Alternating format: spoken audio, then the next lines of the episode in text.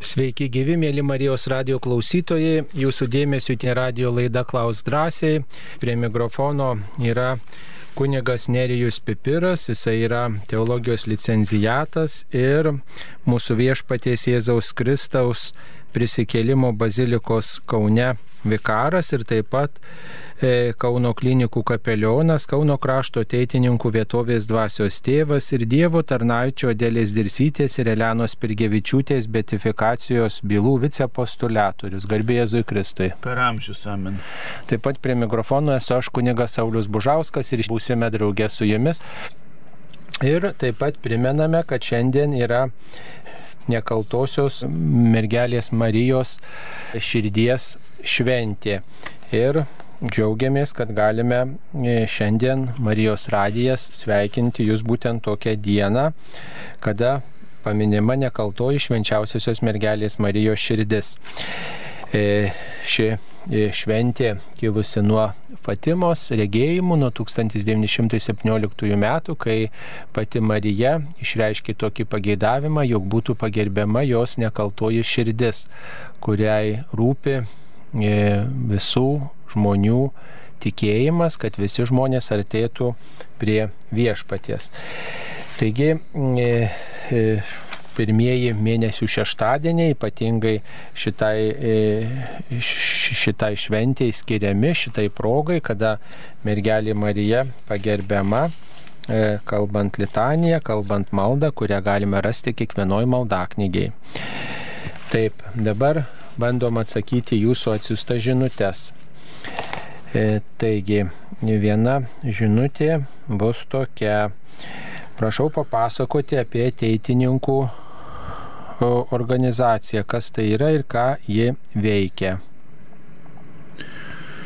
Iš tikrųjų, turbūt šitas klausimas yra e, adresuotas man, kadangi šalia visų kitų pareigų esu ir Kauno krašto ateitininkų dvasios vadas, taigi ateitininkų organizacija yra, e, sakykime taip, nevyriausybinė organizacija, kuri skaičiuoja jau Daugiau negu šimtą metų, jos įkūrimo metai yra 1910-911 metai, kada e, užsienyje Petrapilyje studijuojantis e, Lietuvos inteligentai nutarė burtis kartu, e, nutarė atsiliepti į popiežiaus Pijus dešimtojo šūkį visą atnaujinti Kristuje ir buvo tas pagrindinis siekis, kad krikščioni, e, krikščionis e, būtų kartu veiklus, e, bet kartu jis būtų ir pilietiškas. Taigi ateitininkų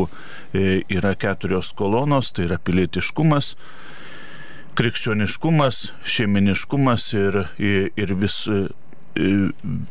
visuomeniškumas.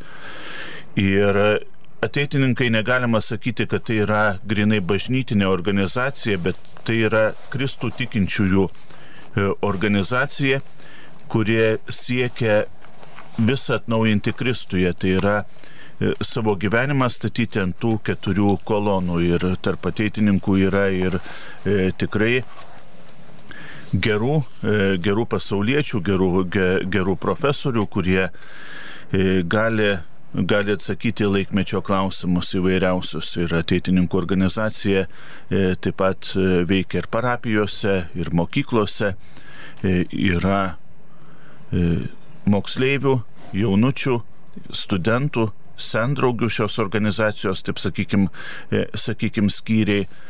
Ir, kaip minėjau, esu Kauno krašto ateitininkų dvasios vadas, taip pat yra Vilniaus krašto ateitininkų dvasios vadas kunigas, e, yra Telšių krašto ateitininkų, Panevežio krašto ateitininkų dvasios vadas, e, dvasios vadai, kurie mes tarpusavėje truputėlį ir, ir susitinkam, pabendraujam, kad iš tiesų būtų, būtų ta tokia, tokia sielovada, kad šita organizacija nepamirštų savo katalikiškumo.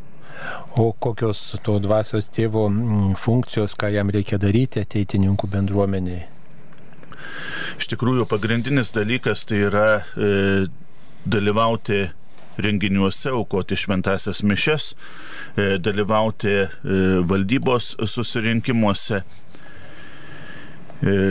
Kauno Kauno krašte mes kartu organizuojame rekolekcijas tiek moksleiviams, tiek korporacijos šviesa nariams mokytojams. Tradiciškai Šiluvos atlaidų metu vyksta piligriminis žygis nuo Maironio gimimo tėviškės iki, iki Šiluvos, kur kartu dalyvaujame vakarinėse šventosiuose mišiuose. Ir be abejo įsitraukiame ir į arkiviskupijos jaunimo centro veiklą. Taip, Dabar dar viena žinutė. Ar galima tarti su kunigu dėl laisvai minimų šventųjų liturginių minėjimų per šventasias mišes? E, kai kurie mm, šventieji yra privalomai minimi, taip ir parašyta privalomas minėjimas, kai kurie e, šventieji e, minimi laisvai, galima jų minėti ir neminėti. Laisvas minėjimas tai pavadinta mm, liturginėse knygose. Tai štai ir klausytoja klausia, klausytojai klausia, ar galima su kunigu tartis dėl šventųjų minėjimų, e, kurie nėra privalomi. Kunigas iš tikrųjų gali pasirinkti šventasias mišes, kokias, kokias jis norėtų aukoti tą dieną. E, be abejo, galima būtų atsakyti, kad tikrai galima tartis, e, tartis su kunigu, kad jis paukotų neprivalomo minėjimo dieną tų šventųjų mišes, e, bet e, sakyčiau, gal gražu būtų, kad e, su parapijos klebonu tartųsi ne vienas žmogus, bet iš, išreikštų parapijos norą. Būna taip, na, sakyčiau, gal truputėlį ir negražu, kai minime kokį nors vieną šventą, jie ateina, ateina su klebonu tartis vienas žmogus, kai minime kitą, ateina kitas žmogus ir nėra bendros, bendros tvarkos parapijoje. Taigi, kad, kad išlaikyti tą e, parapijoje bendrą tvarką, e, sakyčiau, kad e, bent jau, bent jau keli arba bent jau pastoracinės tarybos nariai turėtų tartis, tartis su klebonu. Taip reikėtų turbūt gal ir grupelėm išreikšti, ar tokią apklausą padaryti, ar tikrai e, žmonės nori, kad būtent tas vienas ar kitas minėjimas būtų minimas. Ypatingai turėtų būti turbūt pastoraciniai taryboje liturginė grupelė, Taip. kurie galėtų tuo klausimu ir daugiau pasidomėti, paklausti žmonių, bet turbūt dažnai žmonėms vienodai, ar minimas, ar neminimas Taip. kažkoks šventasis, jiems svarbiausia turbūt, kad e, užmirusius jų būtų vardai paminėti, kaip užsakyti. Ar tenka Taip. su tuo susidurti?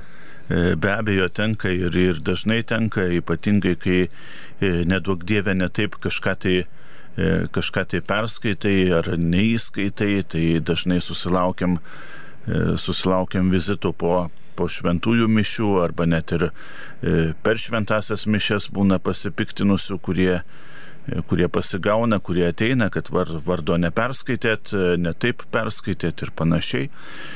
Taigi norisi naudojantis progą nuraminti kiekvieną iš mūsų, aišku, tas vardų paminėjimas tai yra kaip ir tam tikra paguoda galbūt mums, bet e, per šventasias mišes mes minime absoliučiai visus, e, visus mirusiuosius e, nuo, nuo amžių, neįvardindami jų vardų, nes tų vardų būtų, būtų labai labai daug.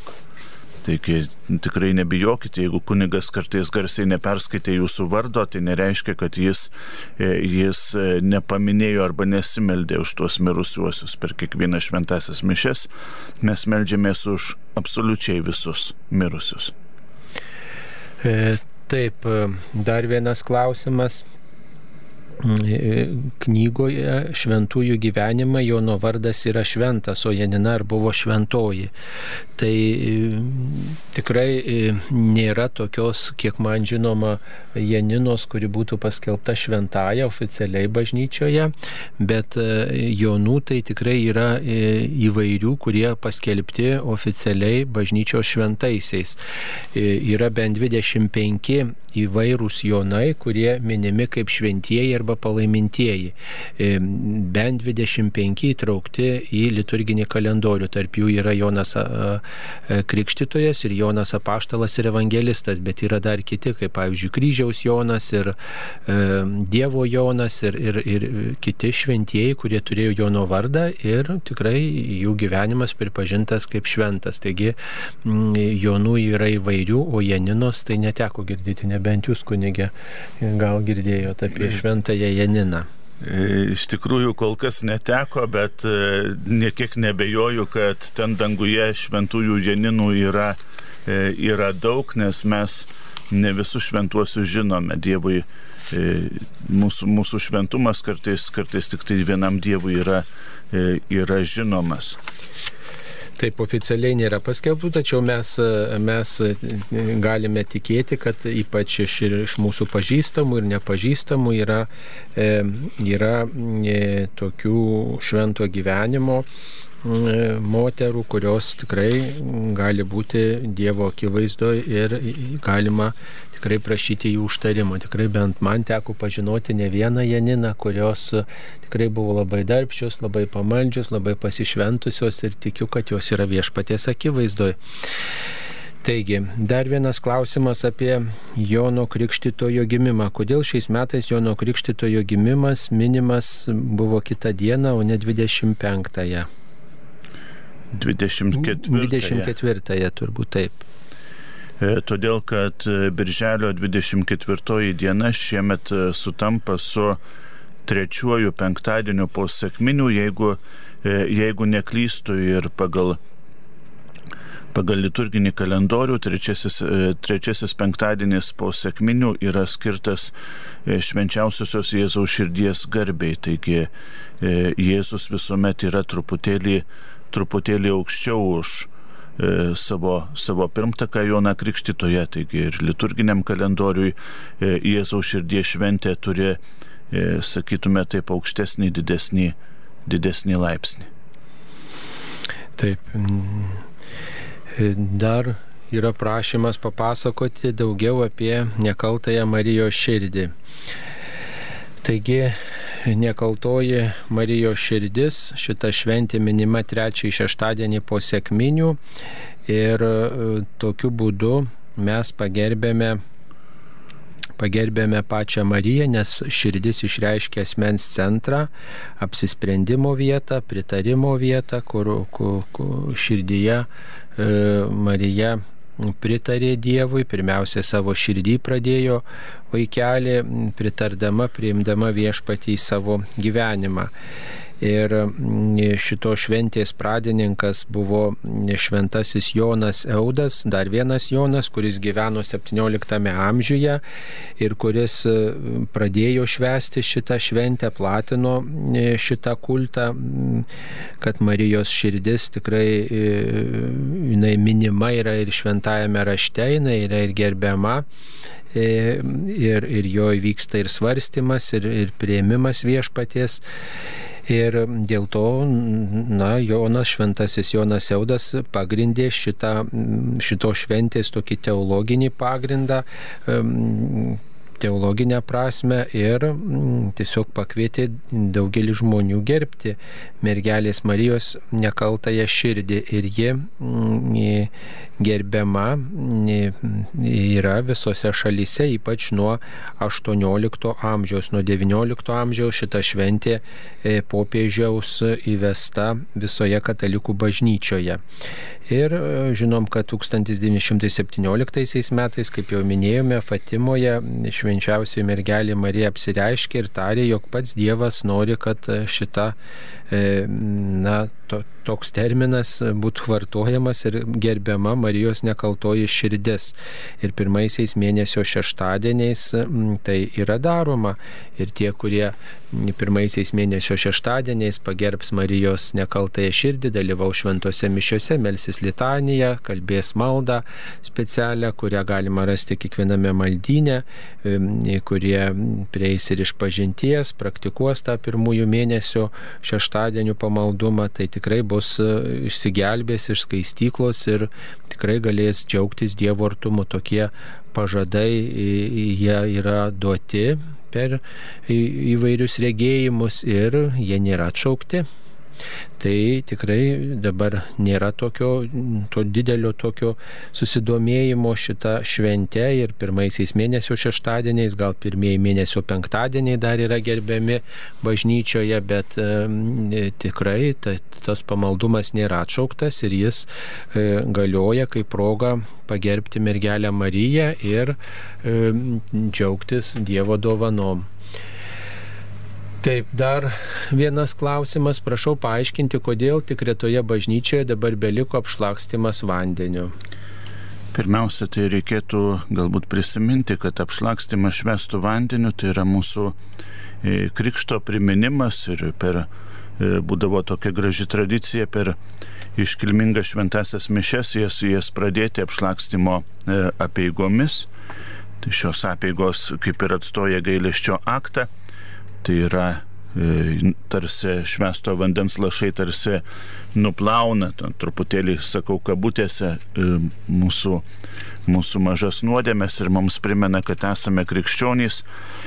E, buvo laikas, kurį mes visi netaip seniai išgyvenome, tai yra pandemijos laikas, kada viskupai tiesiog prašė, kad siekiant apsisaugoti nuo, nuo lygų, nuo užkrečiamų lygų, e, vengti apšlakstimo e, švestų vandeniu, vengti, kad švest, indai pilni švesto vandens būtų, būtų palikti bažnyčioje. Tačiau pasibaigus pandemijai šio draudimo nebeliko, taigi vėlgi yra liturgiškai galima šventasis mišes pradėti apšlakstimo apieigomis. Kodėl vienoje ar kitoje bažnyčioje tai praleidžiama, tai turbūt turėtų atsakyti parapijos e, klebonas, o e, savo ruoštų norisi paraginti, kad jeigu e, yra, yra poreikis, jeigu matote, kad, kad tikrai tos apėgos galėtų būti atlieka, atliekamos, taigi nueikite pasitarkite su klebonu, priminkite jam, kad jau tokio draudimo e, šlakstyti švestų vandeniu prieš šventasias mišes, ypatingai sekmadieniais, jau nebėra. Galima atlikti apšlakstimo apeigas. E, taip. E, dar vieną žinutę noriu paklausti apie privalomą šventės, ar per Jono Krikštitojo šventę privalu dalyvauti šventose mišiuose, ar uh, Birželio 24 yra bažnytinė šventė, ar tai reiškia, kad nuodėmė tą dieną dirbti? Pirmiausia, tai e, reikėtų nepamiršti, kad privalomos šventės, kaip maldaknygėse, e, liturginėme maldynė yra parašyta ir, ir man tai yra labai iškalbinga, visi metų sekmadieniai, Velykos, Kalėdos, e, Kristaus, Kristaus šventės, šeštinės, sėkminės, e, švenčiausiosios mergelės Marijos ėmimo į dangų e, iškilmė, visų šventųjų iškilmė. E, taigi pirmiausia reikėtų deramą dėmesį skirti sekmadienėms, Velykoms, Kalėdoms ir berots, jeigu tiksliai prisimenu Šventojo Jono Krikštitojo dienos, kaip privalomos dienos, nėra, nėra įrašyta į mūsų mūsų kalendorių. Tai yra e, šią dieną e, mes švenčiame, mes nedirbame, tai yra valstybės, kaip, kaip čia pasakyti, paskelbta išeiginė diena, bet tai nėra privaloma mums. Mes turime, turime švesti ne, ne rasų šventę, bet Jono Krikštitojo gimimo šventę. Taip, tai neprivaloma šventinė iškilmė, neprivaloma bažnytinė iškilmė, galima dalyvauti, tačiau jeigu nedalyvaujate, nuodėmės nėra. E, taigi dirbti galima, tą dieną galima dirbti. E, taip, čia kvietimas yra melstis, e, atsivertimo, supratimo išminties, tikrai tą darome, melsti už karo pabaigą. Tai kviečiame tikrai melstis karštai ir, ne, ir nenusiminti, kad vis dėlto mūsų maldos galbūt taip greitai neišsipildo. Prašom patarti, ką daryti. Mieste tik viena bažnyčia, klebonas jaunas ir labai griežtas, neduoda šventos komunijos į rankas, mes seni parapiečiai turime problemų su burnos ruimu, paradantozė, išrausti, iškritę dantis ir panašiai. Ką daryti yra toks įsakymas iš aukščiau draudžiantis gauti komuniją ir priimti į rankas. Na, pirmiausia, e, jeigu klausėte šventasias mišes e, vakar iš Kauno arkikatedros, tai mūsų e, gerbiamas ceremoniarius kunigas Artūras Kazlauskas labai gražiai pasakė, kad priimti komuniją tiek į burną, tiek į rankas yra lygiai toks pat geras, geras šventas, šventas būdas. Taigi kartais mes sureikšminame vieną ar kitą būdą, iškeldami jį aukščiau, e, aukščiau visko. Taigi, kai kalbėsite su klebonu dėl to, tai jį nuraminkite, kad iš tikrųjų e, komuniją galima priimti šiuo metu ir į rankas, ir į burną. Kita vertus, nereikia bijoti ir tų E, kaip prašote, sugedusių dantų ar, ar, e, ar bjauraus kvapo. Truputėlį juokaujant, e, turbūt Dievas yra pripratęs prie mūsų bjauraus nuodėmių kvapo ir tas kvapas einantis iš burnos jo, jo nenustebins. Svarbu, kad mūsų, mūsų vidus būtų tyras ir kad, kad mes galėtume Kristų priimti savo širdį. Taip ir daugybę metų žmonės turbūt ir be dantų, ir su iškritusiais dantimis, ir su įvairiais dantimis e, priimdavo komuniją ir nebuvo jokios problemos. Tai tikrai nepergyvenkite, jeigu, jeigu ir, ir toks būdas e, lieka bažnyčioje, tai tikrai, na, tiesiog svarbiausia, kad būtų mūsų sąžinė švari. Taip, Kai kunigas išeina iš Zakristijos aukoti mišių, žmonės atsistoja. Mūsų bažnyčia litanija gėdama prie šventasias mišes, bet kunigo einant prie altoriaus gėdoti litanijos, jie sėdi. Negaliu sėdėti, bet e, ir pasirodyti kaip geriau žinanti irgi nenoriu, kaip elgtis pagarbiai. E, pirmiausia, ne vien tik tai šiuo atveju, bet, e, bet kalbant bendrai, e, mes, mes tikintieji turėtumėm elgtis taip, kaip e, elgesi žmonės toje, toje bažnyčioje, toje vietoje. Yra galbūt truputėlį ir tos, tos skirtingos, sakytume, taip liaudės tradicijos, kažkas atsistoja, kažkas, kažkas klaupėsi, kažkas eina komunijos, pavyzdžiui, procesijos būdu atsistoja, kai kas kai kas klaupėsi, tai iš tikrųjų būtų gerai, kad mes, e, mes elgtumėmės taip, kaip yra e, priimta toje vietoje, toje, e, toje parapijoje. Iš tikrųjų, žmonės turėtų atsistoti tada, kada prasideda šventosios mišios. Kai yra litanija, tai galima, galima ir nesistoti. Na tai pirmiausia, reikia gal paklausti, kodėl tas e, atsistojimas yra. Dėl to, kad e, mišios yra pagrindinė mūsų malda, pati, pati svarbiausia mūsų malda ir kunigo ateinant prie altoriaus mes prisimenam patį Kristų, kuris eina už mus numirti, nes kunigas sudabartina Kristaus auką ir tiesiog atstovauja pačiam Kristui. Šventose mišiose tai, tai tiesiog pagerbiam patį viešpatį tokiu būdu savo atsistojimu. Ir jeigu negalite e, atsistoti e, ar nenorite sėdėti ar panašiai, tai tiesiog, nu, elkitės taip, kaip jums sąžinė leidžia. Tikrai tas pasirodyti nėra geras dalykas, kad aš čia dabar parodysiu, kaip reikia elgtis. Tai čia gal truputį toks puikybės aspektas, tikrai tą darykite tokia atvira širdimi, iš pagarbos Dievui, bet nenorėdama parodyti ar, ar svarstyti, o ką čia kiti pagalvos. Dabar kita vertus turbūt žmonės mažiau kreipia dėmesį vieni į kitus ir elgesi taip, kaip jiems atrodo tinkama. Taip, dar čia vienas pastebėjimas, kad šventoji Janina Žana Dark, Joana Arkietė, tai Žana Dark turbūt nėra Janina, bet jinai yra, nu, kitaip verčiamas jo žodis, tikrai ne, ne Janina ar Kietė.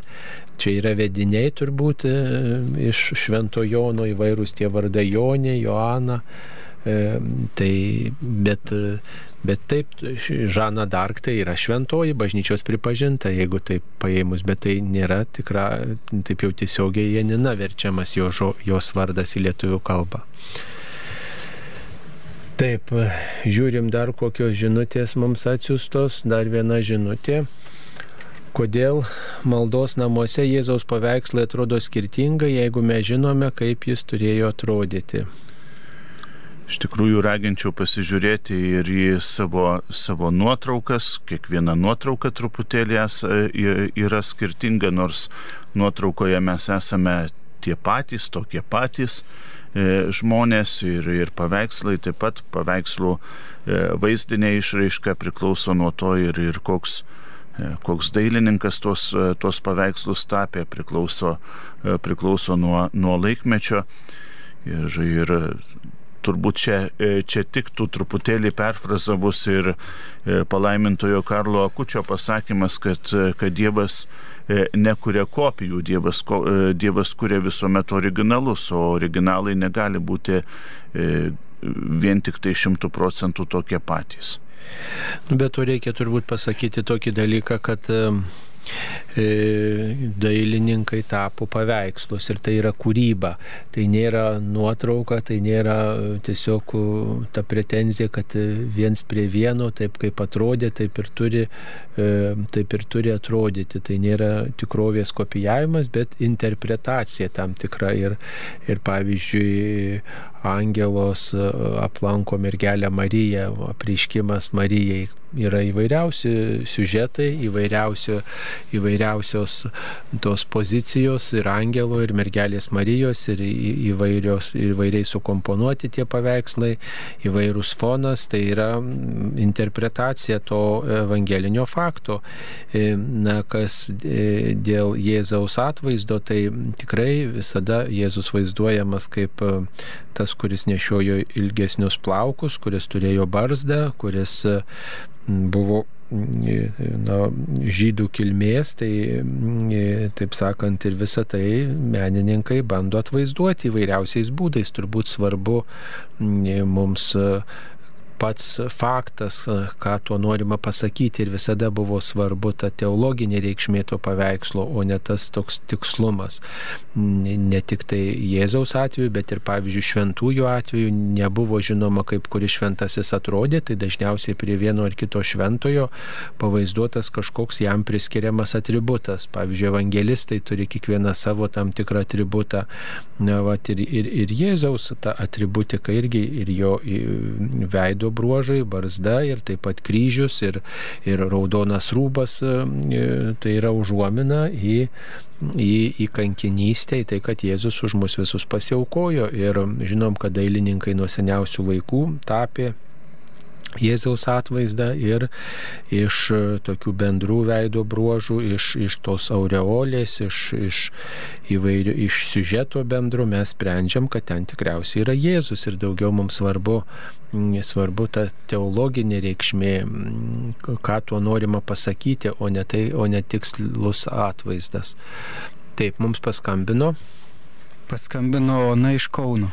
Taip, kasgi mums paskambino? Per amžius amžius. Turiu du klausimus ir vieną prašymą. Klausimas yra, e, kaip ar kunigai gali, ar turi, ar kaip čia pasakyti, lankyti su psichinė fizinė negalė žmonių. Antras klausimas, kas e, turi, ka, kaip kunigų kapų priežiūra yra. Nes mums tenka lankyti e, nu, mums e, vyro giminaičių kapus, čia virš šimto kilometrų nuo Kauno ir yra iš eilės palaidoti keturi kunigai, bet jau senai ir niekieno neprižiūrėmi. Tai būna labai skaudu, kartais anukas, kai nuveža, aš nežinau kaip paaiškinti. O prašymas yra, kad labai mums reikia ir mums, kaip transliuoja mišes iš Vilniaus arkikatedros, kad matytumėm valdžios žmonių. Anksčiau tai būdavo ir prezidentai, ir pirmininkai, dabar nesimato. Labai ačiū už atsakymus. Pirmiausia, galbūt pradėsiu nuo pir, pirmojo klausimo. Iš tikrųjų, žmonės sergantis psichinėmis lygomis yra E, yra ligoniai ir, ir reikėtų, reikėtų taip ir traktuoti tuos, e, tuos žmonės, kadangi e, vienos iš pareigų mano yra ir kaip Kauno klinikų kapelionas, tai tikrai kunigai, kunigai mes lankome tuos žmonės, paprasčiausiai leidžiame jiems, jiems įsikalbėti, juos išklausome, kai, kai yra poreikis galima suteikti ir, ir ligonių patepimo sakramentą, tai psichinė lyga taip pat, taip pat yra, yra lyga ir taip kunigai, kunigai gali lankyti, lanko tuos žmonės, netgi ir yra paskiriami kapelionai, arkos bendruomenės kapelionai, kur, kur, kur tiesiog tiesiog dirba, būna, būna su, tais, e, su tais žmonėmis. E, kalbant apie e, antrąjį klausimą, manyčiau, kad iš tikrųjų kunigų kapus galėtų prižiūrėti kiek tai įmanoma artimieji, jeigu jau artimųjų nėra arba yra kažkoks kitoks sutarimas su, su parapijos klebonu, su parapijos bendruomenė, tuomet tuomet tuos kapus turėtų prižiūrėti parapija. Labai iš tikrųjų būtų gražu, kad pavyzdžiui per didžiasias, prieš didžiasias šventes, prieš didžiuosius atlaidus e, parapijose bent būtų truputėlį patvarkyti ir kunigų kapai, o būtų, būtų paminimos, jeigu yra žinomos jų mirties dienos arba vėlinių aštuondienį jie būtų, būtų prisimenami tai taip pat e, yra, manyčiau, ir parapijos, parapijos bendruomenės reikalas, o taip pat jeigu yra išlikę, išlikę artimieji, jie, jie irgi neturėtų pamiršti savo, savo mirusiųjų giminaičių. Dar dėl to prašymo e, mišes rodyti, matot, mes esame Marijos radijas ir e, nesam atsakingi už šventųjų mišių transliaciją vaizdu, ypač per televiziją. Mes esame radijas, tai yra atskira žiniasklaidos priemonė, televizija yra kita žiniasklaidos priemonė ir, ir, ir ten reikia tuos pageidavimus siūsti televizijos žmonėms. Vienas dalykas. Antras dalykas, e, Antras dalykas yra tas, kad ne, visi, ne visada tie valdžios atstovai dalyvauja tuose šventose mišiuose ir jeigu nedalyvauja, tai ką ten rodys. E, va, ir nemanau, kad mišiuose svarbiausia yra valdžios atstovai. Čia jau tikrai mes neturėtume į valdžios atstovų žvalgytis, kas dalyvauja, kas eina komunijos, kas, kokie ten žmonės yra, bet iš tiesų tai e, mišios tai yra pirmiausiai malda, yra Jėzaus aukos sudabartinimas ir mums turėtų labiau rūpėti išgirsti žodžio liturgiją, pasiklausyti giesmės, įsitraukti į maldą, o nežiūrėti, kas dalyvauja ir aptarinėti. Tai čia jau, žinot, nu truputį toks išeina tos maldos tam tikras, nu, nu, iškreipimas toksai tikrai mažiausiai turėtų rūpėti. Taip galima taip iš žmogiško smalsumo dirstelėti, pasižiūrėti ten, kas dalyvauja ar ką, bet tikrai neturėtų būti svarbiausias dalykas ir, ir reikėtų geriau įsidėmėti, kas skelbiama, kokia žinia skelbiama ir, ir, ir į, tą, į tą mąstyti, įsimastyti, stengtis tą suprasti, o ne, o ne žiūrėti, kas kokie žmonės ir ypač iš valdžios ten dalyvauja. Nu, dalyvauja dalyvauja puiku, nedalyvauja, tai jų reikalas, tai rodo gerai, nerodo irgi gerai, tai čia ne tas svarbiausia, net ne tai turėtų būti dėmesys sutelkiamas ne į tai.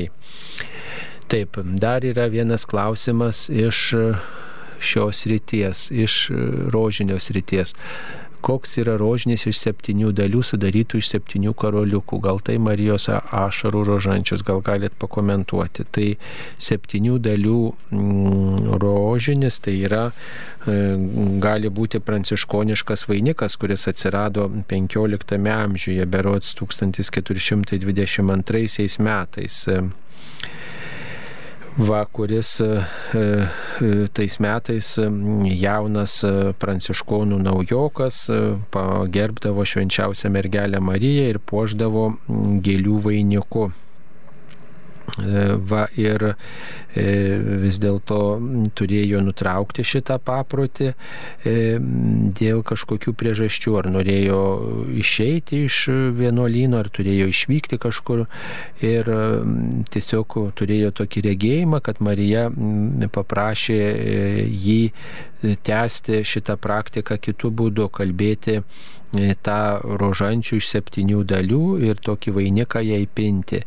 E, ir bus tai malonesnė e, malda nei gėlės prie jos skulptūrėlės. Ir nuo to laiko tas vienuolis kalba septynių Marijos džiaugsmų vainiką. Žinot, kad gali būti septyni Marijos skausmai ir septyni Marijos džiaugsmai. Tai pranciškoniškas vainikas arba serafiškasis E, vainikas. Tai pirmas e, tas Marijos džiaugsmas būtų angelo prieiškimas, paskui Marija lanko šventą Leisbietą, paskui Jėzaus gimimas, paskui e, trys išminčiai pagerbė gimusi kūdikėlį Jėzų ir jo motiną. Toliau penktasis mergelės Marijos džiaugsmas, kai Jėzus atrandama šventykloje. Mm, šeštasis Marijos džiaugsmas, kai prisikelia viešpats Jėzus ir septintasis Marijos džiaugsmas, kai mergelė Marija įmama į dangų. Taigi yra specialios maldos ir galima melstis e, šiomis maldomis, naudojant septynių, e, septynių dalių e, tą rožinio vėrinėlį. Aišku, kad galbūt yra ir kiti pamaldumai, žodžiu, į, į, įvairios praktikos egzistuoja, bet apie pranciškonišką tiek. Taip, dar vienas klausimas, ar dalyvavimas joninių šventėje nuodėmė, gal tai yra vengtina. Na, turbūt turima galvoj, kad čia tas visas vainikų pinimas, e, laužų kūrenimas, šokinėjimas, galbūt ten burtai, dar kažkas, turbūt apie tai šitas klausimas, kaip punigė atsakytume. Nemanyčiau, kad, kad tai yra nuodėmė, aišku, mes galime prisileisti nuodėmę, jeigu, taip sakant, kabutėse per daug pašvesim, bet e, tai yra mūsų, mūsų tautinis, tautinis paveldas, jį taip pat mes turime, turime gerbti. Paskambino Antanas iš Kauno. Taip, Antanai, klauskite. Labą dieną. Labą dieną. Mano klausimas būtų toks. Esu susipažinęs su kai kurių pasaulio lyderių istorija ir pastebėjau tokį faktą, kad Stalinas, Hitleris ir kiti tokie na, diktatoriai, jie jaunystėje kažką turėjo bendro su seminarijom, teologija ir taip toliau ir noriu paklausti jūsų nuomonės, ar nėra tame, na, šaknis to mokymo, būtent į Seno testamento žiaurumo ir visa kita, kad žmonės, kurie, na, studijavo panašius dalykus, po to tapo labai žiaurus diktatoriai. Tai tiek.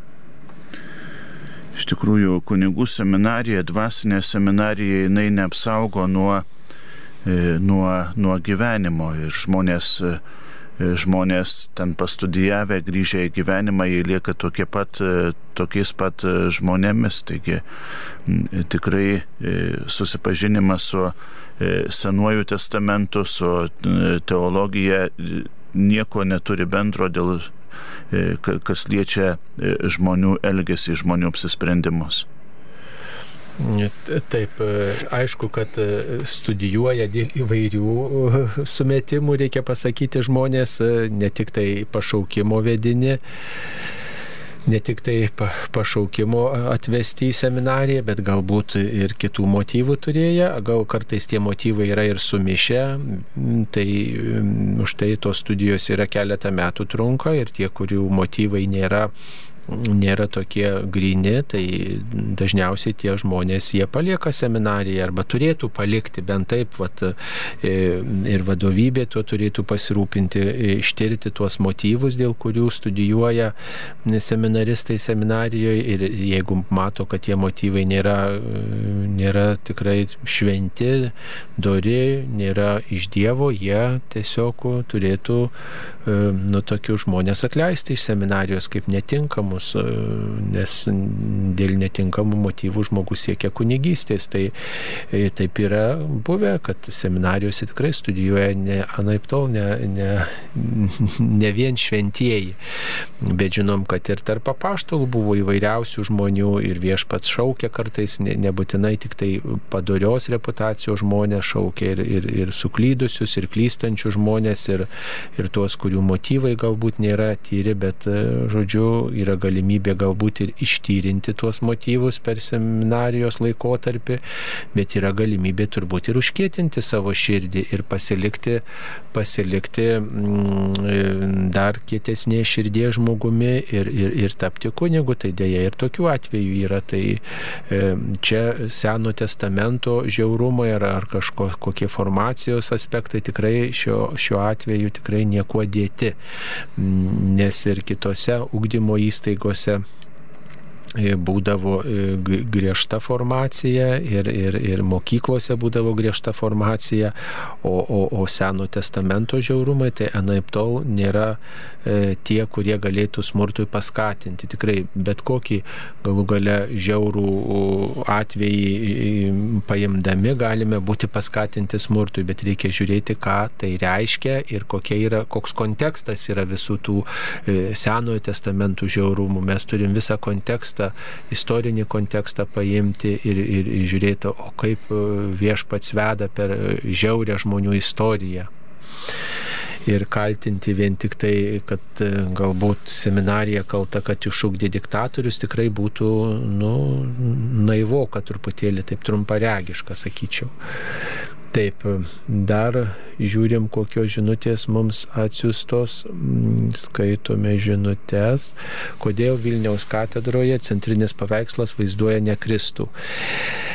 Na, tam tikra prasme e, Vilniaus katedroje yra vaizduojamas Kristus, nes šventasis Stanislovas, kuris yra pagrindinėme e, plane šitam paveiksle, e, auko, reiškia rankose laiko ostiją ir taip pat vaizduojama toji scena, kai per mišes šventasis Stanislovas yra nužudomas, nes Vilniaus katedra turi švento Stanislovo ir švento Vladislovo titulą. Tai paprastai tokia, toks, e, koks yra bažnyčios titulas, tokia tema ir yra centriniam altoriaus paveikslė, tokia tema vaizduojama. E, ir, žodžiu, taip pagerbiama, pagerbiamas bažnyčios titulas ir e, paprastai tituliniai atlaidai, kiekvienoje bažnyčioje yra tituliniai atlaidai, per kuriuos ypatingai švenčiama bažnyčios šventė, proga susitaikyti su Dievu. E, bet taip pat reikia pasakyti, kad Vilniaus katedroje yra nukryžiuotos jo skulptūrėlė virš e, to baldakimo e, ir, ir taip pat centriniam altoriuje yra kryžius, tai, tai Kristus yra deramai pagerbtas, net kai vaizduojamas centriniam altoriuje ne Kristus. Ne Kristus. Taip. Dabar žiūrim, kas mums dar atsiusta kokie klausimai. Taigi čia tokie klausimai siunčiami įvairiausi ir mes bandome juos atsakyti. Taip. E, ar per joninės pasninkas privalomas? Čia turbūt turime galvoj, kad buvo 24 diena, penktadienis. Ir turbūt su tuo siejama, ne, turbūt žmonės nesigilina, kad toji šventė buvo perkelta į kitą dieną. Tai per Joninės pasninką šiais metais, jeigu turit galvoje 24 dieną nebuvo privalomas, 24 birželio, nes tą dieną buvo iškilmė ir buvo švenčiama švenčiausioji Jėzaus širdis, jeigu taip pagal liturginį kalendorių, tai nebuvo pasninko diena. Iškilmių diena, iškilmėse pasninko nebūna. Ir truputėlį reikėtų galbūt prisiminti, kad e, mes privalomai turėtumėm pasninkauti didįjį penktadienį e, ir Lietuvoje kučių dieną. E, visi kiti penktadieniai yra atgailos dienos, kada mes, e, kada mes susilaikome nuo mėsiškų valgių, bet tai ne visada išreiškia pasninko esmės. Pasninko esmė yra, kada mes užvalgome vieną kartą, visais kitais, visais kitais atvejais tik tai užkandame ir kartais pasninkas yra sujungtas su abstinencija. Tai yra, kaip minėjau, didįjį penktadienį ir, e, ir kučių dieną. Tai yra vadinamasis griežtas pasninkas. Taip, noriu pasidomėti, kas nulėmė, kad žydų tauta tapo versli. Mm, taip, toks yra klausimas. Na tai turbūt kas nulėmė, nulėmė tai, kad žydų tauta dažnai buvo ir niekinama kitų tautų. Ir jinai buvo ir ujama, ir uždrausta jai įsigyti ir žemės, ir, ir, ir valdyti žemę kai kuriuose kraštuose. Tai reikėjo turbūt kažkokiu būdu e, ieškoti nišos, kaip pragyventi. Tai tada liko priekyba, liko e, tos paslaugų sritis, į kurią ir kreipėsi šitą žydų, žydų tauta, ypač Mm, pavyzdžiui, Lietuvos didžiojo kunigaikštystėje ir kitur. O šiaip tai, na, žydai, kaip išrinktoji Dievo tauta, apdovanota matyti ir išmintim, ir, ir, ir kitom viešpaties dovanom. Tai vis dėlto su tuo reikia skaitytis, kad tie pažadai, kurie duoti žydų tautai, jie nėra, iš, nėra atšaukti, kad tai tikrai ta tauta, į kurią atėjo viešpats, tiesa, jis nebuvo priimtas, jis nebuvo mylimas, jisai buvo, reiškia, taip atmestas, bet per tą atmetimą pagonys turėjo galimybę įtikėti. Ir tikrai visi mes laukiam, kada ir žydų tauta galės priimti viešpati Jėzų kaip gelbėtoją. O tas verslumas, aišku, jisai mm, kėlė daugelio tautų pavydą, tas, tas sugebėjimas išlikti, sugebėjimas vienas kitą palaikyti, jis daugeliui nu, kelia tokį ir pasipriešinimą. Ir reikia pasakyti, kad žydai jie labai ir palaiko tautiečius, yra bendruomeniška tauta ir, ir tikrai to reikėtų pasimokyti, kad tikrai ten vienas kitą tautiečiai palaiko, bet nežlugdo, niekina ar kažkaip bando e, pavydėti, nuskriausti, bet tiesiog vienas kitam bando pagelbėti, ypač kai e, yra tam tokia e, susidarius situacija, kai, kai reikia padėti. Gal dar kunigė ką pridėsit prie šito? Taip, dar žiūrim, kokios žinutės mums atsiustos. Taigi, dabar padarysime pertrauką. Brangus Marijos radio klausytojai, dėkojame Jums už Jūsų maldas, aukas, savanorystę. Dėkojame ir kviečiame susitikti su Marijos radio savanoriais šią savaitę, Birželio 26 dieną, sekmadienį, Kavarsko Švento Jono Krikštitojo bažnyčioje, kur bus švenčiami tituliniai atlaidai. Taip pat Telšių Švento Antano paduviečio katedroje, Palangos Švenčiausios mergelės Marijos ėmimo į dangų bažnyčioje, Tauragės Švenčiausios Trejybės bažnyčioje, Marijampolės Švento Vincento Pauliečio bažnyčioje, Kudirkos naumeščio Švento kryžiaus atradimo bažnyčioje ir Svedasų Anikščių rajone Švento Arkangelo Mykolo bažnyčioje. Taip pat kviečiame susitikti Birželio 27 dieną pirmadienį Vilniaus Švento Jono Bosko bažnyčioje. Dėkojame, kad visokiojopai prisidedate prie Marijos radio gyvavimo ir melžiamės už Jūs. Čia Marijos radijas.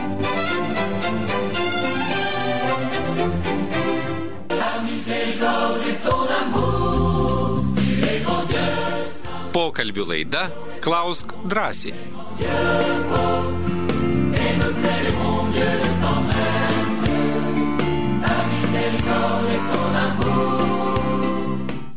mėly Marijos radio klausytojai, po pertraukos vėl mes susitinkame, bendraujame su jumis. Mėly Marijos radio klausytojai, čia Kauno studijoje prie mikrofono yra kunigas Nerijus Pipiras iš mūsų viešpaties Jėzaus Kristaus prisikėlimo bazilikos Kaune ir taip pat aš kunigas Saulis Bužauskas. Primenu, mėlyjams Marijos radio klausytojams, kad mūsų radijas įsilaiko tik iš jūsų aukų, tik jūsų aukų dėka galime gyvuoti mokėti už dažnius, taip pat išlaikyti e, patalpas, mokėti komunalinius mokesčius, tik tai jūsų aukų dėka visame pasaulyje Marijos radijas išlaikomas vien iš klausytojų aukų. Ir tikrai dėkojam už jūsų dosnumą, kad lygi šioliai nestokojome, tikimės ir toliau mus palaikysite. Mus paremti galima atnešant auką į Marijos radijo būstinę Vilniuje ar Kaune. Taip pat galima paremti pervedant auką per internetinę bankininkystę naudojantis internetinę bankininkystę, pervedant į sąskaitą, ją galima rasti mūsų puslapyje marijosradijas.lt. Taip pat galite mus paremti skambindami trumpaisiais numeriais 1622 skambučio kaina 5 eurai ir 1623, jeigu skambinsite šiuo telefono numeriu, pervesite 10 eurų. Ačiū už kiekvieną auką, tikrai mes dėkojam visiems geradariams ir melžiamės už jūs kiekvieną dieną švenčiausio sakramento adoracijoje, taip pat prisimenam šventose mišiose ir melžiamės už jūs, prašydami sveikatos ir stiprybės ir kad viešpats deramai atlygintų už jūsų parodytą dosnumą. E, taigi, dabar atsakome jūsų klausimus, kuriuos jūs atsiuntėte. Štai toks klausimas, ar celibato klausimas buvo svarbus krikščionybės kilime. E, klausime e, nesukonkretinta data. E, mes galime kalbėti apie keletą skilimų, tai yra 11 amžiuje ir kada protestantai atsiskyrė Liuterio Liuterio laikais 16 amžiuje, bet atsakymas būtų, būtų vienas, celibato klausimas nėra esminis. Daugiau E, daugiau krikščionybės skilimui turėjo e, istorinės aplinkybės, tai yra valdžios, e, valdžios įtaka, karalių įtaka krikščionybės mokymui arba, arba tam tikri doktrininiai klausimai. Taip, na tai reikia pasakyti, kad tas celibato klausimas egzistavo nuo pat pirmųjų krikščionybės laikų pats Jėzus neturėjo šeimos ir taip pat apaštalai paliko savo namus, paliko savo darbus, savo įsipareigojimus tiesiog ir buvo tie, kurie sekė paskui Kristų ir pasišventi dangaus karalystės reikalams, dangaus karalystės liudijimui. Tai egzistavo šis celibato principas nuo pat krikščionybės pradžios, tai nėra e, sugalvotas vėliau, žodžiu, buvo ta galimybė e, nuo pat bažnyčios pradžių. Vis dėlto reikėtų e, nepamiršti, kad celibato klausimas tai nėra dogma. Taip, dar viena žinutė, ar būnant nenuliuotoje bažnytinėje santokoje galima bendrauti su kita moterimi, jei neužsiminėjama seksu? Žinoma, drąsiai, drąsiai bendraukit, drąsiai e, susėskit arbatos, arbatos kavos išgert, drąsiai, drąsiai diskutuokit, atleiskite už tą pasakymą, bet moteris, žinokite, irgi yra žmogus. Jo, bet reikia turėti galvo, jeigu jūs, pavyzdžiui, nesate įsiskyręs dar, žinot, tas žmogus neįsiskyręs, kuris čia klausia ir, ir gyvena, kad ir nori kitą santoką kurti, bet dar gyvena kartu su ta bažnyti, bažnytiniai santokoj galiojančioje, kuri nėra nuliuota, na tai yra tokia nepagarba tam žmogui turbūt. Na tai reikia turbūt labai nu, atsakingai, atsakingai žvelgti tuos santykius, kuriuos norite naujus statyti. Ir tikrai, žinot, kartais tas, e, e, ta prieiga prie intimių santykių gali būti labai greita. Tai tikrai reikia labai išmintingai ir pagarbiai turbūt elgtis. Taip, dar vienas klausimas čia tokia žinutė, taigi, taigi žinutė, žinutė. Kai kuriuose miesto bažnyčiose tik prieš pačias mišes yra derinama ar prašoma, kas galės skaityti skaitinius, ar nėra nustatytų reikalavimų ir įpareigojimų skaitiniams deramai pasiruošti iš anksto, ar nėra ribojimų dėl skaitovų lyties, atrodytų, kad vis laisviau ir atsainiau įmama žiūrėti į liturgijos organizavimą. Ar ateityje išliks kanoniškumas? E, Iš tikrųjų, kiekvienom šventoms mišioms reikia atitinkamai pasiruošti ir, ir e, visada raginu, raginu žmonės, kad jie ateitų prie šventasias mišes truputėlį anksčiau, e, kad jie susikauptų šventoms mišioms. E, lygiai taip pat ir tie, kurie skaito skaitinius. Kai kuriuose bažnyčiose jau yra atskiri skaitančiųjų skaitinius, netgi, netgi ir bureliai, šventojo rašto skaitovų bureliai. E, prieš keletą metų Kauno arkiviskupijoje buvo e, atskiri kursai skaitovams retorikos kursai, kaip iš tikrųjų skaityti, skaityti garsiai ir suprantamai skaitinius. Taigi iš tiesų mes nelabai e, gerai e, pasirengėme šventosioms mišioms, kai prieš pat e, šventasias mišes kas nors užpuola su skaitinių knyga ir, ir tam tikrą prasme truputėlį juokaujant priverčia eiti ir skaityti skaitinius net, net nepasižiūrėjus į juos. Dabar yra visos galimybės E, yra skaitiniai ir internete, galima juos rasti, yra išleidžiami ir e, sekmadienio e, mišių, mišių lapeliai galima pasiimti, galima skaitinius tikrai perskaityti ruošiantis skaityti šventosiuose mišiuose, galima juos perskaityti namuose, pasižiūrėti, kokie tai yra skaitiniai. Iš tikrųjų nelabai, nelabai gerai, kai einama skaityti E, nepasiruošus, nepasižiūrėjus, e, kaip minėjau, tam labai, e, labai geras dalykas yra atskiri šventųjų rašto skaitovų bureliai ir panašiai. Liturginių šventųjų mišių skaitinius gali skaityti tiek vyrai, tiek, tiek moterys. Žinoma, yra tam tikra lektorių tarnystė ir šitoj tarnystėje taip pat atkreipiamas dėmesys į tai, kaip yra skaitoma. E, kad tas skaitimas būtų aiškus, kad, kad žmonės galėtų suprasti, suprasti ir girdėti. Taigi dar kartą raginčiau, kad e, e, čia nereikia jokios, jokios skubos. Svarbu, kad, kad skelbtumėm ne savo žodį, bet skelbtumėm Dievo žodį, kuris, kuris iš tikrųjų pasiektų kiek galima daugiau tikinčiųjų. Paprastai prie pastoracinės tarybos parapijoje yra tokia liturginė sekcija, liturginė grupelė, kurie e, kurioje, na, vat, tie klausimai gali būti aptarti.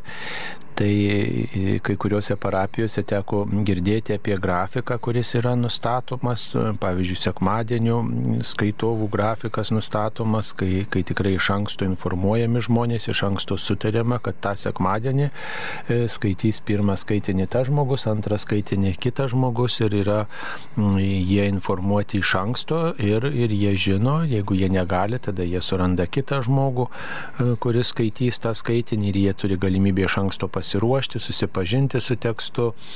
Va, lygiai taip pat ir šiokiadieniais galima tokį grafiką padaryti. Tai čia, e, mat, gal tikrai, mėla klausytoja, mielas klausytoja, jūs informuokite apie tokią tvarką, kad tikrai galbūt iš anksto galime sudaryti tokią tvarką, žinot, piktintis, kad nėra e, žmonių, kad jie prašoma tik prieš pat mišes skaityti, tai tikrai na, skaudus dalykas, bet ką galima padaryti, kad to nebūtų. Tai tikrai pasistengime visi mm, prie to vienai par kitaip mm, prisidėti, kad būtų ta liturgija organizuojama kuo kruopščiau. Kaip nugalėti svetimo žmogaus ilgesio jausmus, kai kanki, na, ilgesys, ar tai meilė nuodėmė, kaip įveikti.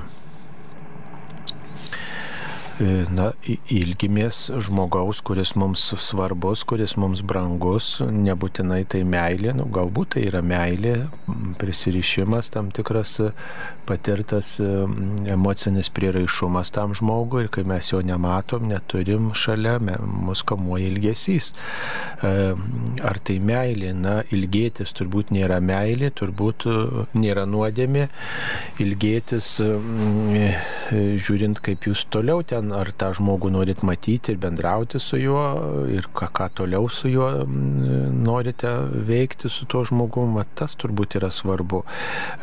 Kaip įveikti, nu, pirmiausia, tai melstis už tą žmogų, melstis už jūsų santyki, kad tas santykis nebūtų kažkoks nuodėmingas, įdingas, kad jame būtų daugiau pagarbos, kad jame būtų daugiau tokio e, dieviškumo, kad, kad ne tik tai būtų tokios aistros, savinimosi kito žmogaus, bet tokia pagarba būtų.